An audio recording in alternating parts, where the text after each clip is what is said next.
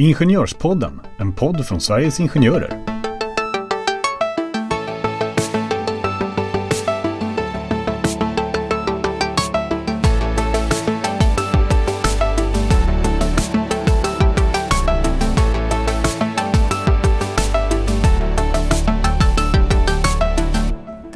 Fackliga värnplikten, vad är det egentligen?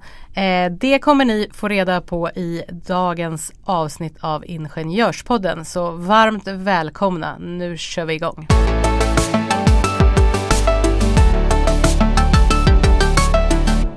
Ja hörni, kära lyssnare. Idag så ska vi faktiskt köra vårt sista avsnitt innan sommaren och eh, då tänkte jag vad är bättre än att eh, gå tillbaka till självaste kärnverksamheten, nämligen det viktigaste vi har här på förbundet, nämligen förtroendevalda. Och eh, avsnittet till ära har jag då bjudit in en väldigt speciell gäst här på förbundet. Välkommen Martin Ris. Tack så mycket. Kul att ha dig här. Fantastiskt kul att få vara här. Ja, jätteroligt. Du Martin, eh, jag brukar fråga gästerna så här, men eh, berätta lite om dig själv och så vidare. Men jag tänkte jag hoppar rakt på. Varför har jag bjudit in dig idag?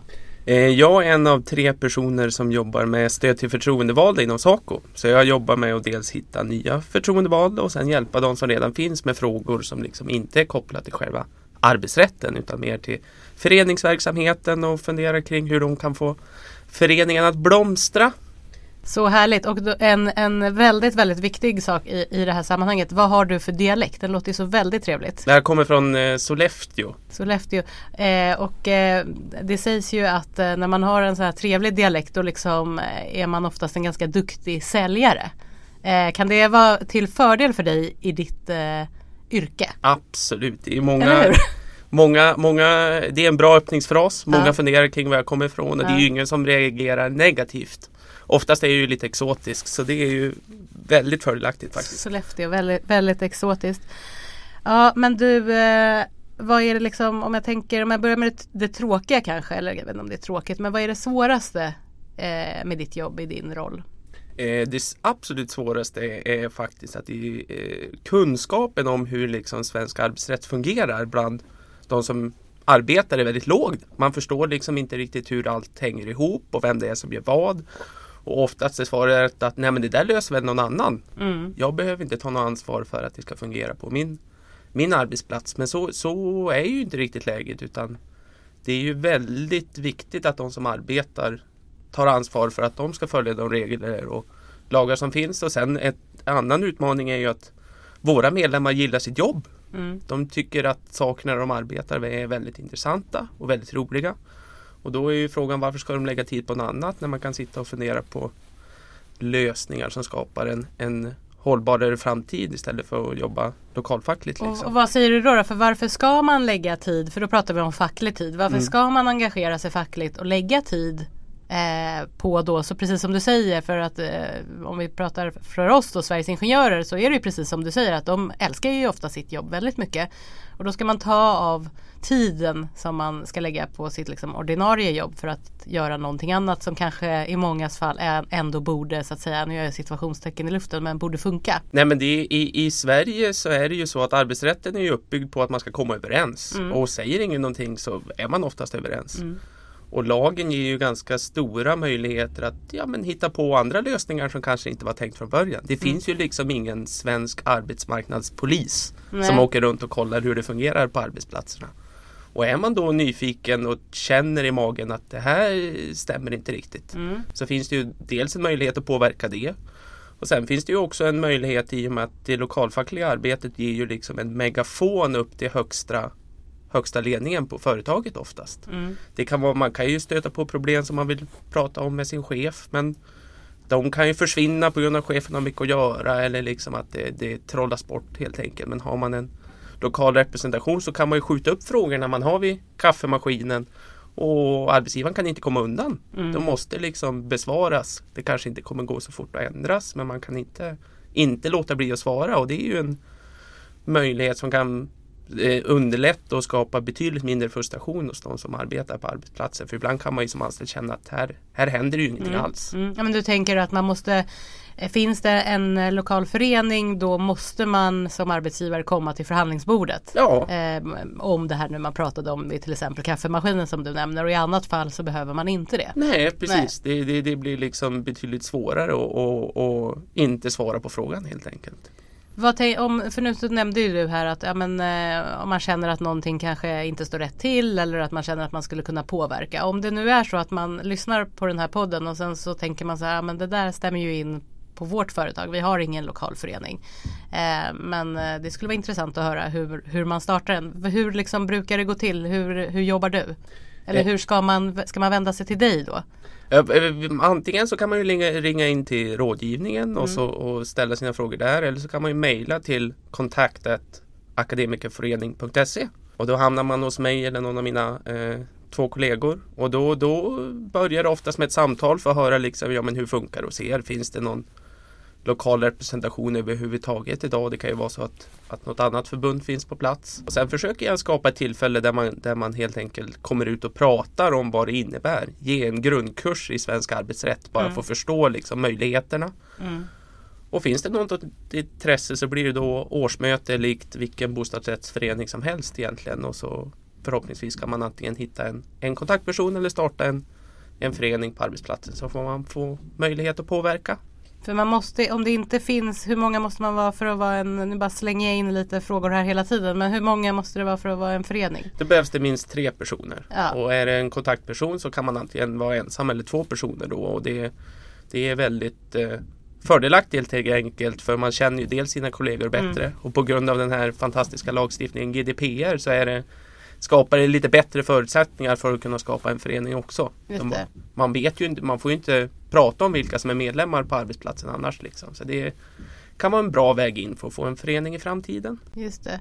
Men man har samma mandat om man är kontaktperson som att man är eh, en förening. Man Precis. får företräda medlemmar på arbetsplatsen. Ja exakt, Mm. och man företräder inte bara Är man i privat sektor för företräder man inte bara Sveriges Ingenjörers medlemmar utan då är det alla Saco förbundsmedlemmar Mm. på arbetsplatsen.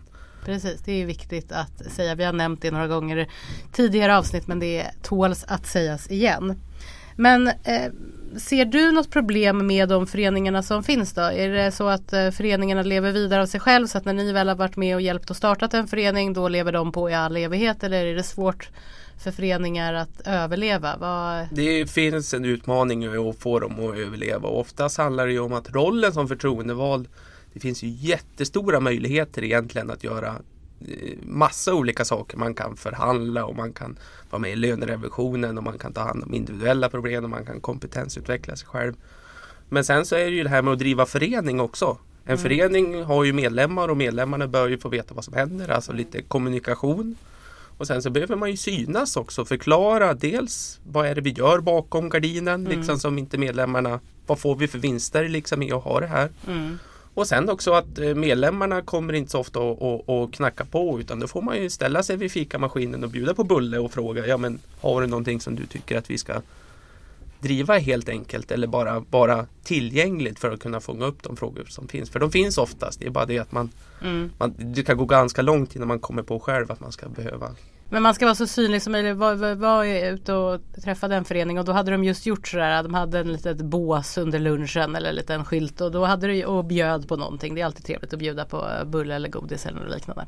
Och då hade det ju kommit precis som du sa spontana frågor. Så det är nog, det är nog jätteviktigt som du säger att att höras och synas. Men om man tänker då, för du var lite inne på det, jag tänker med personlig utveckling. Det är ju eh, utvecklande att vara förtroendevald och vi ser ju också att jag menar, om man drar de här liksom yttersta som har varit förtroendevalda själva och sen har de gått in i en helt facklig karriär. Det finns ju de som tycker det här är superkul och det behöver ju inte alla göra såklart.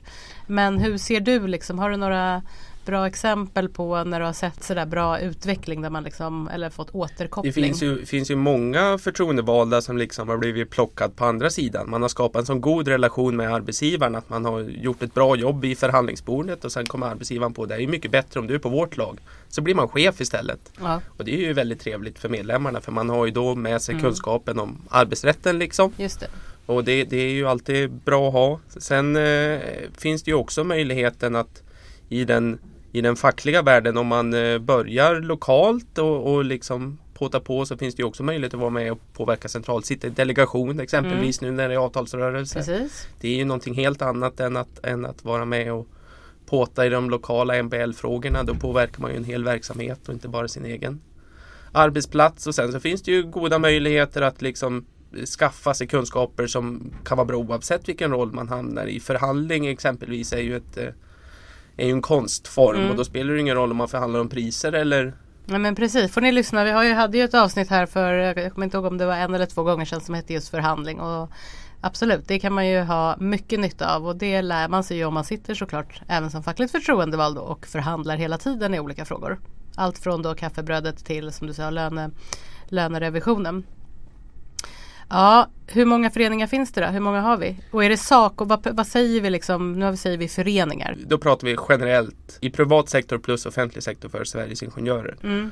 Och då finns det cirka 5800 förtroendevalda, cirka 1000 föreningar och cirka 500 kontaktpersoner. Mm. Och hur många skulle vi vilja ha då? För jag menar, man tänker också så här, det här har vi pratat om i många avsnitt tidigare, men det handlar ju någonstans om att för att vår verksamhet ska kunna fungera så är ju vi beroende av att det finns lokalföreningar och lokala företrädare mm. som kan hjälpa till lokalt på arbetsplatserna. För vi är ju inte tillräckligt många här och det är inte strukturen här heller eh, för att kunna förhandla allting själva och vi vet också att det blir oftast mycket bättre eh, när man förhandlar lokalt när man har lokalkännedom. Men hur många skulle du säga liksom jag kanske inte säga, finns en siffra. Nej, men... det kanske inte finns en siffra men jag skulle säga att det, det ju, i vissa branscher har vi ganska bra täckning mm. alltså med många förtroendevalda. Mm. Men tittar man på till exempel IT Telekom, bemannings, nu pratar vi kollektivavtalsmässigt mm. och också arbetsplatser där mm. det är konsultverksamhet där man inte samlas på kontoret. Mm.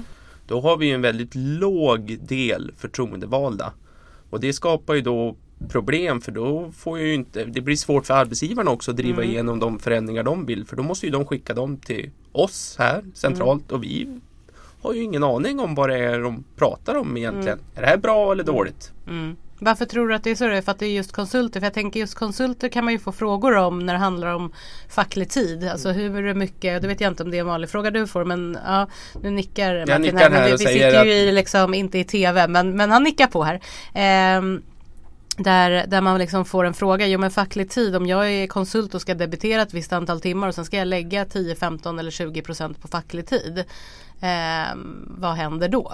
Är det, är det därför? Ja dels det och sen också tror jag att det, i och med att de har ju sin arbetsplats på ett annat ställe mm. oftast ute hos kund så blir det liksom så här var, hur, det blir svårt med sammanhållningen och så blir det lite svårt att skilja på, ja men jag, vad, vi är här en gång i veckan de flesta mm. av oss. Vad ska vi lägga tid på det här för? Plus kombinationen med att liksom debitera mm. tiden. Mm. Jag har en chef här som ligger på att jag ska vara fulldebiterad. Och ska jag då lägga in facklig tid så blir mm. det då ett problem trots att det finns lagstiftning som säger att det inte ska vara det. Men, men, men det finns ju, det, det är ett, eh, svårt mm fråga och jag vet att det är uppe på central nivå och diskuterar mm. hur man ska kunna få ordning på det. För systemet är ju beroende av det. Absolut och vi kan väl nämna det här eh, eh, förtroendemannalagen har ju vi varit inne på många gånger i, i den här podden såklart. Men eh, där finns det ju eh, särskilt skrivet om facklig tid. Och när man pratar om just, och det, man ska ju få ta så mycket facklig tid som behövs för att och, utföra uppdraget. Och det kan ju vara helt olika beroende på Eh, hur det ser ut just då. Jag menar är det en jättestor omorganisation ja då kommer det kräva mycket tid och är det är allting flyter på i den bästa världar så kanske det är mindre tid.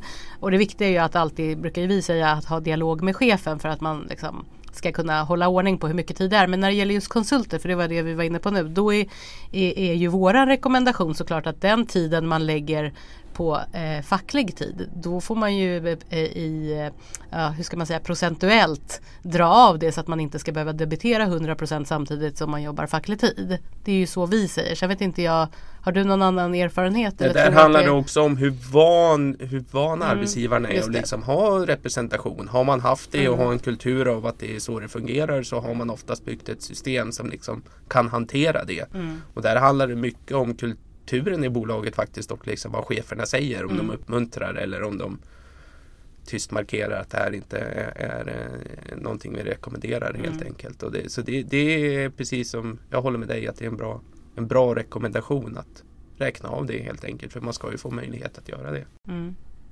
Ja du Martin, vi, alltså, det, det, finns ju så många frågor och eh, under tiden vi pratar här nu så tänker jag liksom sådär att eh, nu har jag ju liksom spottat ur mig frågor men, men eh, jag tänker är det någonting som du känner eh, Vi brukar alltid skämta att den här podden kan man liksom göra avsnitt 1, 2 och 3 i samma ämne och vi kommer säkert komma tillbaka till det här igen men nu sitter ju du här precis nu så att nu tänker jag är det något mer som du avslutningsvis känner att så, men det här det här vill jag få ut till eh, förtroendevalda eller ni som eh, kan tänka er att eh, engagera er och bli förtroendevalda? Ja, det första skulle jag säga att om man nu har en, det, har en förening som har funnits en längre tid så kan det vara bra att byta positioner ofta. Mm. Man ska inte ha en ordförande som har varit Tre år kan vara en lämplig tid. Sen får mm. man, man kan fortsätta vara fackligt engagerad. Mm. Men att man roterar i styrelsen just för att visa att det här inte är någonting farligt. Mm. Annars kan det vara så att jag, jag är jättegärna med men jag tänker inte vara ordförande. Mm. Och det finns inget som följer med ordföranderollen utan det är bara en titel. Man blir liksom inte personligt ansvarig? Nej, alla har lika Nej. stort ansvar mm. i styrelsen och alla har samma mandat att göra olika saker. Mm. Och det kan vara så i en förening också att vi, vi pratar om den fackliga värnplikten internt vi mm. tre som jobbar med det här. Att ja, man får gå in och så får man göra sitt år mm. eller två. Mm. Och sen då har man gjort sitt. Då får man lämna vidare mm. stafettpinnen till en annan. För det är väldigt många som tycker att, att det här är en bra grej och att det är viktigt.